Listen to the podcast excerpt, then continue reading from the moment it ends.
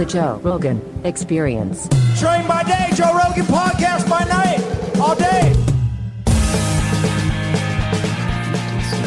It's dope, right? Yes, It's I don't Ja, så här låter inledningen till en av världens största poddar, The Joe Rogan Experience på Spotify. Den omdebatterade podden har den senaste tiden lett till protestupprop från läkare och att musiker lämnar Spotify. Kritiken riktas mot programledaren själv, Joe Rogan, och hans kontroversiella gäster. Bland dem vaccinmotståndare som sprider falsk information om corona. Men vem är Joe Rogan och hur ska Spotify som publicerar hans podd klara nya publicistiska krav i klivet från musikplattform till mediehus? Välkommen till Studio DN. Jag heter Ylke Holago.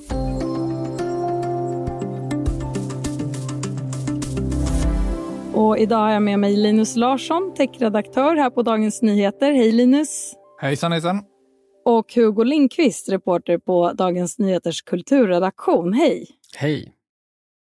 Ja, det stormar ju sedan några veckor kring den amerikanska poddaren Joe Rogan, igen ska vi säga. Han leder ju en av världens mest lyssnade poddar, The Joe Rogan Experience, där han bland annat intervjuar diverse kändisar, hälsoprofiler, opinionsbildare och ibland också väldigt kontroversiella personer som Alex Jones eller Milo Yiannopoulos. Linus, om vi börjar väldigt grundläggande, vem är Joe Rogan? Ja, han är en gammal eh, komiker och har sysslat med en hel del, men framförallt är han idag känd som eh, personen bakom den här eh, podden The Joe Rogan Experience. Och det är, en, det är en podcast som har funnits i, i, många år och har miljontals lyssnare. Och det är som du beskrev där, det är en intervjupodd med alla möjliga sorters eh, gäster. Han har haft Elon Musk som gäst, eh, han har haft vänsterpolitiker som Bernie Sanders, men det som diskussionerna framförallt handlar om nu är ju att han har haft högerextremister och konspirationsteoretiker som gäster och, och att podden har spridit desinformation om eh, vaccin. Ja, han har ju alltså bakgrund både som ståuppkomiker, MMA-kommentator också. Han har lett program som Fear Factor på tv och nått en väldigt bred publik. Linus, hur låter det i Joe Rogans program när han intervjuar personer med kontroversiella åsikter? Vad är det för stämning i, i hans podd? Hur ställer han frågor? Kan du beskriva det? Vad ska man säga, det är inte så ofta eh, eh, en regelrätt intervju, utan just ett samtal eh, fram och tillbaka. Det är långa, långa avsnitt. De är ofta flera timmar långa. Och det kan vara, det är inte så att han aldrig, alltid håller med sina gäster och aldrig ifrågasätter eller något och så. Det händer till och med att han avbryter och, och någon får, får googla upp någon uppgift för, för som har nämnts i programmet. Och så. Men ett ganska illustrerande exempel till kanske det, som släpp, det avsnitt som släpptes för bara några dagar sedan, när Jordan B. Peterson, den här psykologiprofessorn som kanske är mest känd för sitt motstånd mot feminism, eh, är gäst och, och, och, han och Joe Rogan pratar om klimatfrågan. Där säger Joe Rogan ungefär att det är inget som riktigt det är så svårt att veta det här med klimatförändringarna. Är människan kanske bara en liten del som orsaken till det här? Och Jordan B. Peterson fortsätter prata om att ordet klimat, det betyder ingenting, för det betyder ju samma sak som allting och sådär. Och det är som att den liksom, mänskligheten det låter som att mänskligheten precis har fått nys om att det kanske finns någonting som heter klimatförändringar. Eh, och inte att det är ett extremt tydligt vetenskapligt belagt fenomen. Och, det, och, då blir det någonting, i det här samtalet, någonting man bara kan tycka lite olika om, ungefär som att vissa gillar äpplen, vissa gillar apelsiner. Och Joe Rogan, när han gick ut nyligen på en Instagram-film och besvarade den här kritiken, så var han delvis självkritisk, men han återkom hela tiden till det här different opinions, olika åsikter. Och det är ju en sak, klart att olika åsikter kan få lyfta, lufta, så man kan ha väldigt högt i tak, men, men till exempel klimatförändringar är ju inte en fråga om åsikter utan fakta. Men här kanske det hanteras just om åsikter. Och då ska alla lyftas fram lika mycket. Det är som man brukar kalla falsk balans. Om, man brukar säga att en journalists uppgift är inte att, att eh, om en person säger att det regnar och en säger att det är sol, så är inte upp, journalistikens uppgift att ge båda lika mycket plats, utan det är att titta ut genom fönstret och kolla, ta reda på hur vädret är. Hugo, vad säger du? Skulle du beskriva hur podden låter? Eh, det som ni båda säger, att Joe Rogan är ju en person som är svårt att placera i ett eh, speciellt eh, politiskt fack. Och det visar ju inte minst hans så breda skara av gäster som han, som han bjuder in. Men det man kan säga är ju att gästvalet ofta provocerar. Du nämnde exemplet Alex Jones som är alltså den högerextrema debattören som, som grundade den konspiratoriska sajten Infowars. Det här gör alltså Joe Rogan hösten 2020 och det är då två år efter att Spotify själva har stängt av Alex Jones från deras plattform. Och även i det avsnittet så, så förekommer ju en rad kontroversiella uttalanden, dels om, om till exempel om, om coronapandemin. Men det är slå, svårt att i efterhand slå fast att det är ett avsnitt som ensidigt sprider felaktigheter.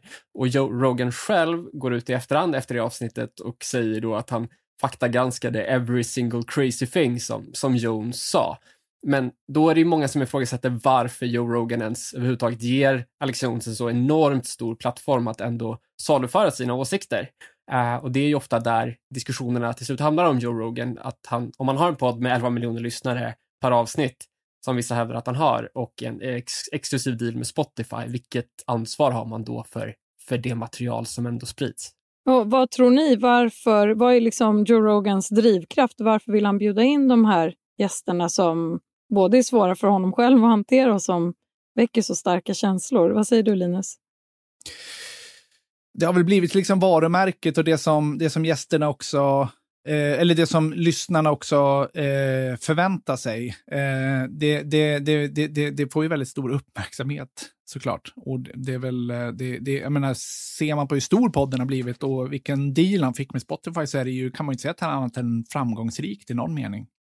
Ja, Spotify ska ju ha betalat närmare en miljard kronor för att få exklusivitet till Joe Rogans eh, podd. Vad är det som gör honom så populär?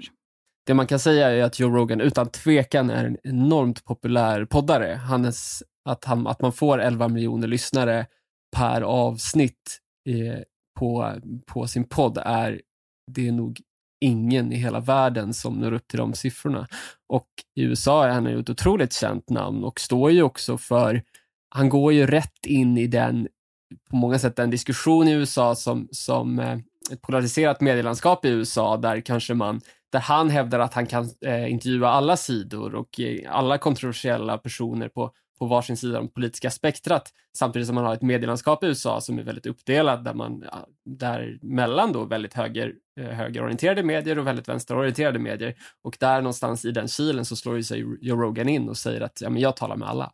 Men Hugo, just eh, debatten som har rasat här senaste veckorna, den började med att Joe Rogan bjöd in läkarna Peter McCullough och sen Robert Malone. Eh, jag är osäker på ordningen där.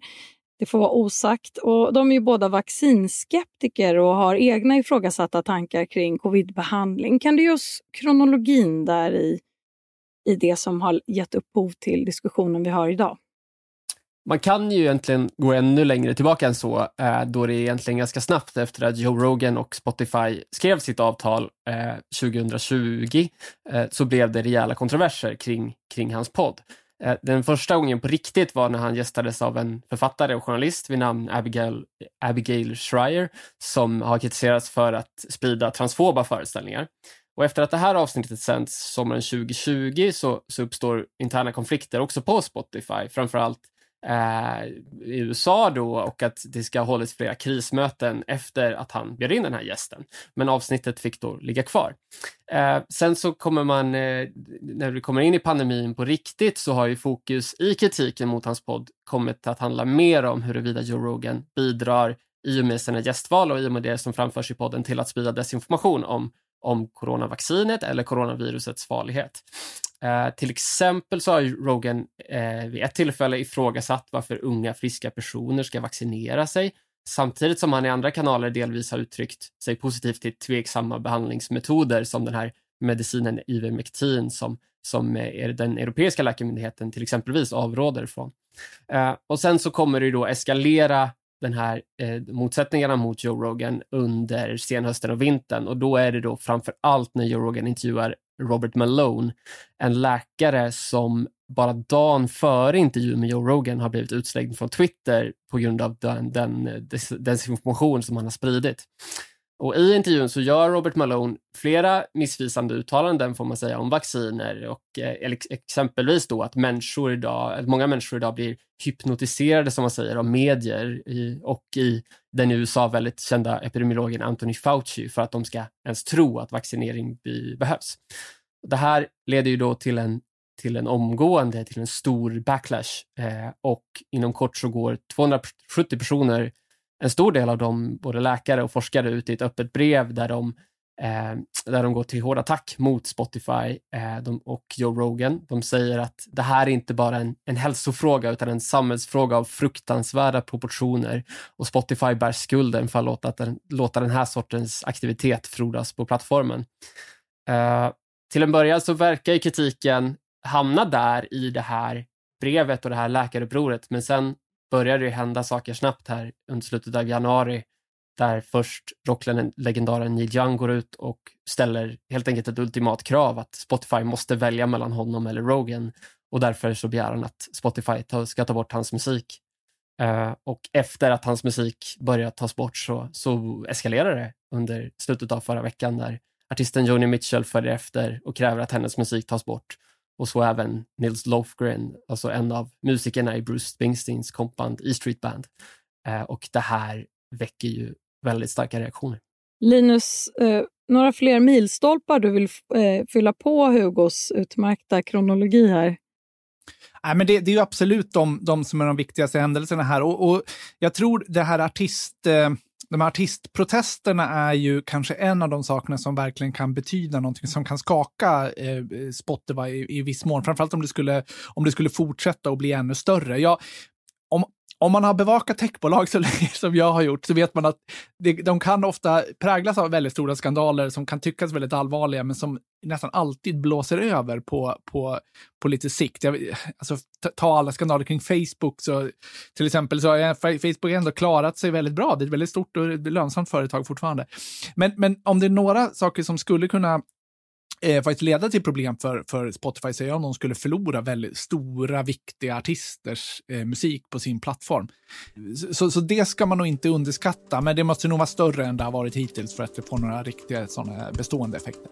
Vi ska ta en kort paus och sen prata vidare om debatten kring Joe Rogan och hur Spotify hanterar krisen.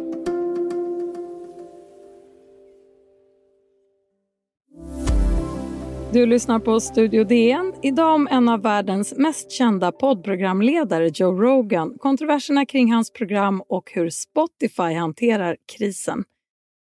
Kritiken har ju lett till viss självrannsakan och utfästelser både från Joe Rogan och Spotify.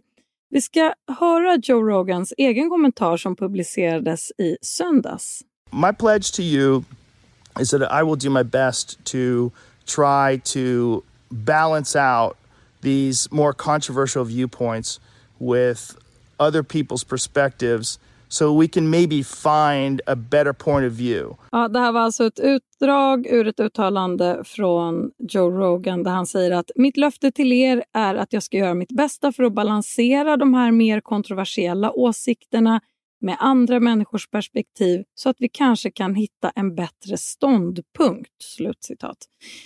Ja, det här låter i mina öron lite grann som ett närmande till journalistikens principer om att till exempel ge plats åt flera åsikter på åsiktsspektrat. Han pratar också i det här uttalandet om att förbereda sig mer genom att läsa på i förväg och så vidare. Det här känner ju vi igen från vårt skrå, det är så vi jobbar.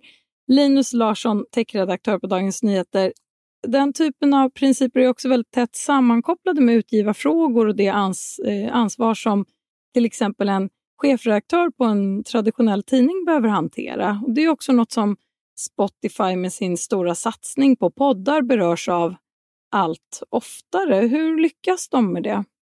Ja, alltså många stora techbolag tvingas ju hantera den här typen av frågor på ett eller annat sätt. YouTube måste liksom eh, ha, eh, hantera gigantiska mängder videomaterial och, och, och ha vissa viss policy för vad som, vad som går över gränsen och, inte kan, eh, och de inte tillåter och så vidare. Men jag tror man, man måste verkligen komma ihåg att Spotify och Joe Rogan, det är någonting annat än det här. För, för det är inte bara en podd i mängden som någon valde att ladda upp och sen så har det blivit en stor grej för dem att hantera, utan det är, det är, en, det är en podcast de köpte exklusiviteten till. De såg den så att det här ska vara hörnstenen i vår stora podcastsatsning, så vi, vi skriver ett gigantiskt avtal för att göra den till vår.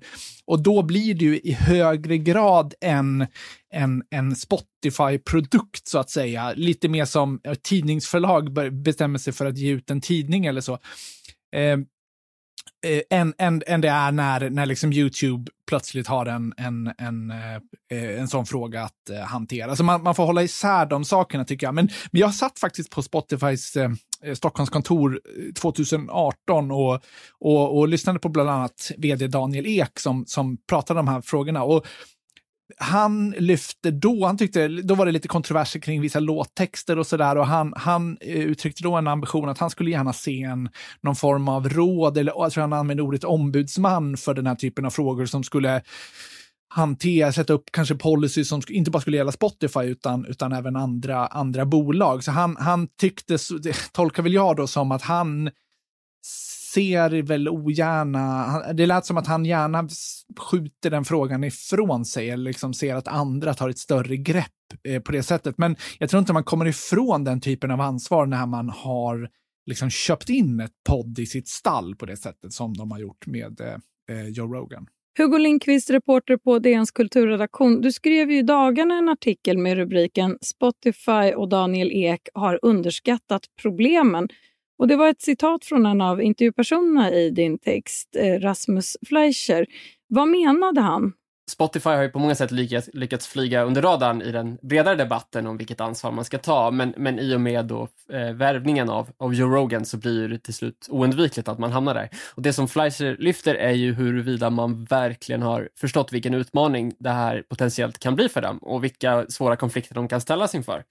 En av de, och som en av de andra intervjupersonerna som vi har, Pelle Snickars, lägger märke till så verkar ju också Daniel Ek och Spotify fortfarande delvis vilja se sig som neutral distributör utifrån det man kunde läsa i vad Daniel Ek sa när han, han i söndags gjorde ett uttalande. Att, eh, där, han, där han inleder med att det finns väldigt många åsikter på Spotify han själv överhuvudtaget inte delar, men att man fortfarande vill vara någon slags, ett slags brett eh, eller ett, ett stort tält av olika åsikter där olika åsikter ska få finnas.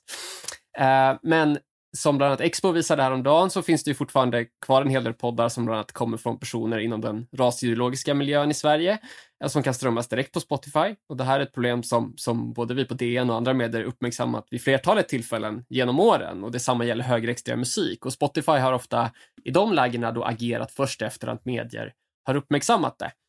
Eh, så där, och dessutom är det ju säkerligen flera som nu frågar sig om det verkligen stämmer att Spotify under lång tid har haft de här tydliga reglerna för hur man tänkt sig, ska, hur man tänkt sig motverka desinformation och, och hatretorik. Och i så fall varför det dröjt ända fram tills nu innan man offentliggjort dem.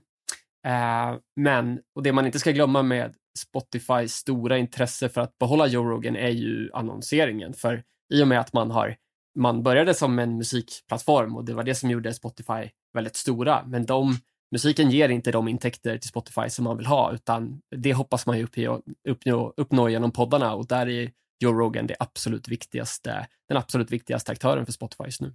Men om vi håller oss kvar i musiken där, som ni redan har nämnt så har ju flera artister som Neil Young och Joni Mitchell i protest begärt att få sin musik borttagen från Spotify. Ni antydde där att det inte kanske påverkade så jättemycket, men vilken betydelse har det ändå fått? Jag tror all, jag tror alla kan vara överens om att det inte är direkt några duvungar till artister som, som lämnar. Alltså både Neil Young och Joni Mitchell är världsnamn och när de gör den här typen av statement så får det ju naturligtvis stora konsekvenser.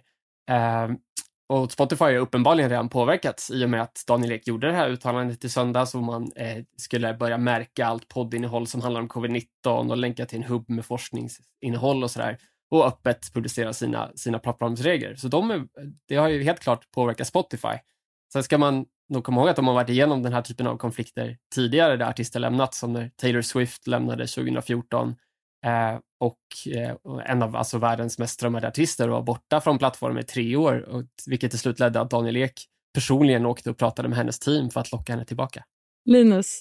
Ja, nej men verkligen. Alltså, det, det, det, men, men det visar ju att han gjorde det, kanske visar också att om det är någonting som betyder någonting så är det ju att förlora viktigt innehåll, alltså om det är musik eller andra pod poddar eller vad, vad det skulle vara. Det, det än att folk... Eh, eh, eh, jag, jag, jag, skulle vara tveksam till att jättemånga liksom användare säger upp sina abonnemang eh, i, i, i ren protest mot någonting. Det tror jag faktiskt inte har så jätte, jättestor effekt. Eh, skulle förvåna mig om det har det i alla fall. Men, men det är klart, förlorar de väldigt mycket viktigt innehåll, då blir ju tjänsten mindre attraktiv och det är ju ett eh, reellt problem för Spotify.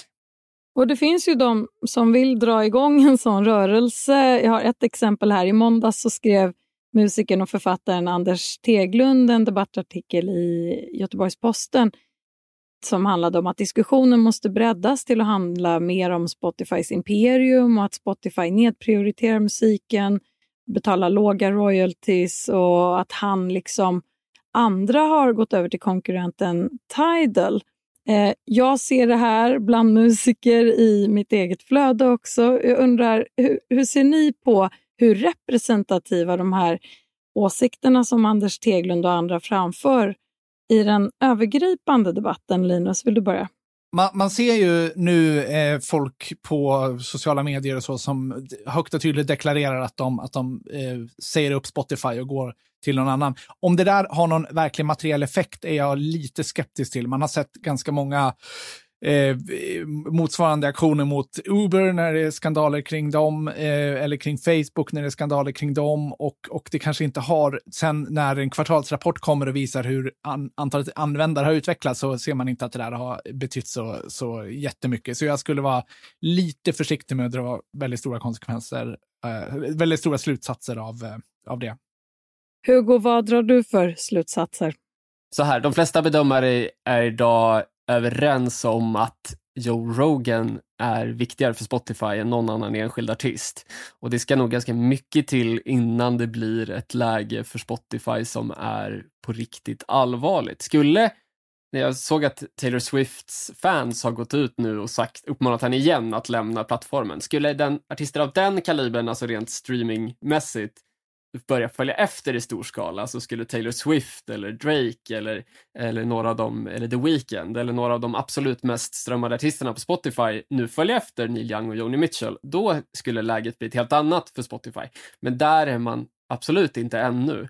Och samtidigt så måste man nog förstå att det, det, är, det är väldigt få artister idag som är beredda att ge upp streaming. Det är en viktig inkomstkälla eh, på ett sätt och även om de, och även, och det finns vilken plattform man än väljer av konkurrenterna så kommer det ju finnas material där som potentiellt kan kritiseras för att, innehåll, för att innehålla desinformation. Det finns nog ingen av de här stora plattformarna som är helt ren, för de har alldeles för mycket material för att, för att kontrollera på riktigt att att det är cleant så att säga. Så att, eh, men absolut, det har bubblat en, en diskussion under många år som, som Anders Teglund eh, eh väcker i sin debattartikel om att eh, Spotifys kompensation till upphovsrättsinnehavare är alldeles för låg och där har vi bland annat sett protester planeras och, och ett stort missnöje som frodas. Men eh, det ska nog mycket till innan det, innan det på allvar påverkar eller får, får riktiga återverkningar för Spotify. Vi ska avrunda vårt eh, samtal och ni fortsätter ju bevaka den här frågan för Dagens Nyheter. Vad tror ni blir nästa milstolpe i debatten, Linus?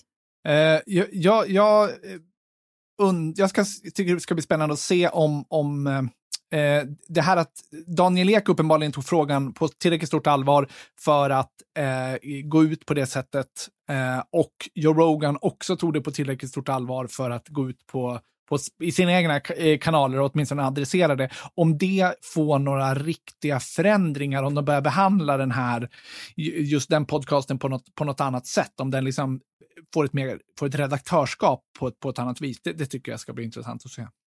Hugo? Jag tror att Spotify hoppas nog att saker ska blåsa över, att Daniel Eks uttalande ska, ska rädda situationen och man såg också att deras aktiekur, aktie, aktiekurs gick upp efter hans uttalande. Så man hoppas på en, så här, en snabb mediecykel och att människor börjar tala om andra saker än, än just om dem inom kort.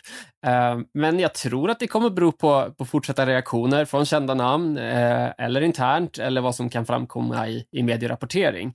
Och inte minst för Spotify så handlar det nog om, om vad annonsörer gör. För, för som jag sa tidigare så Spotifys stora intresse med Joe Rogan är att man får in stora annonspengar eftersom man har den här exklusiva dealen med honom.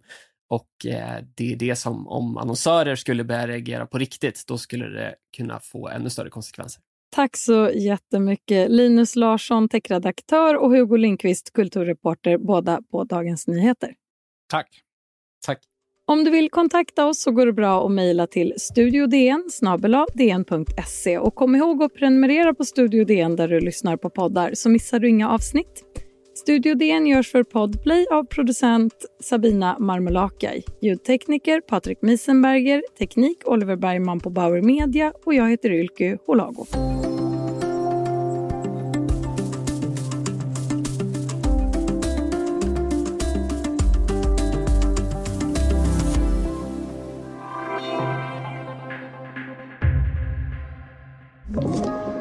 Podplay.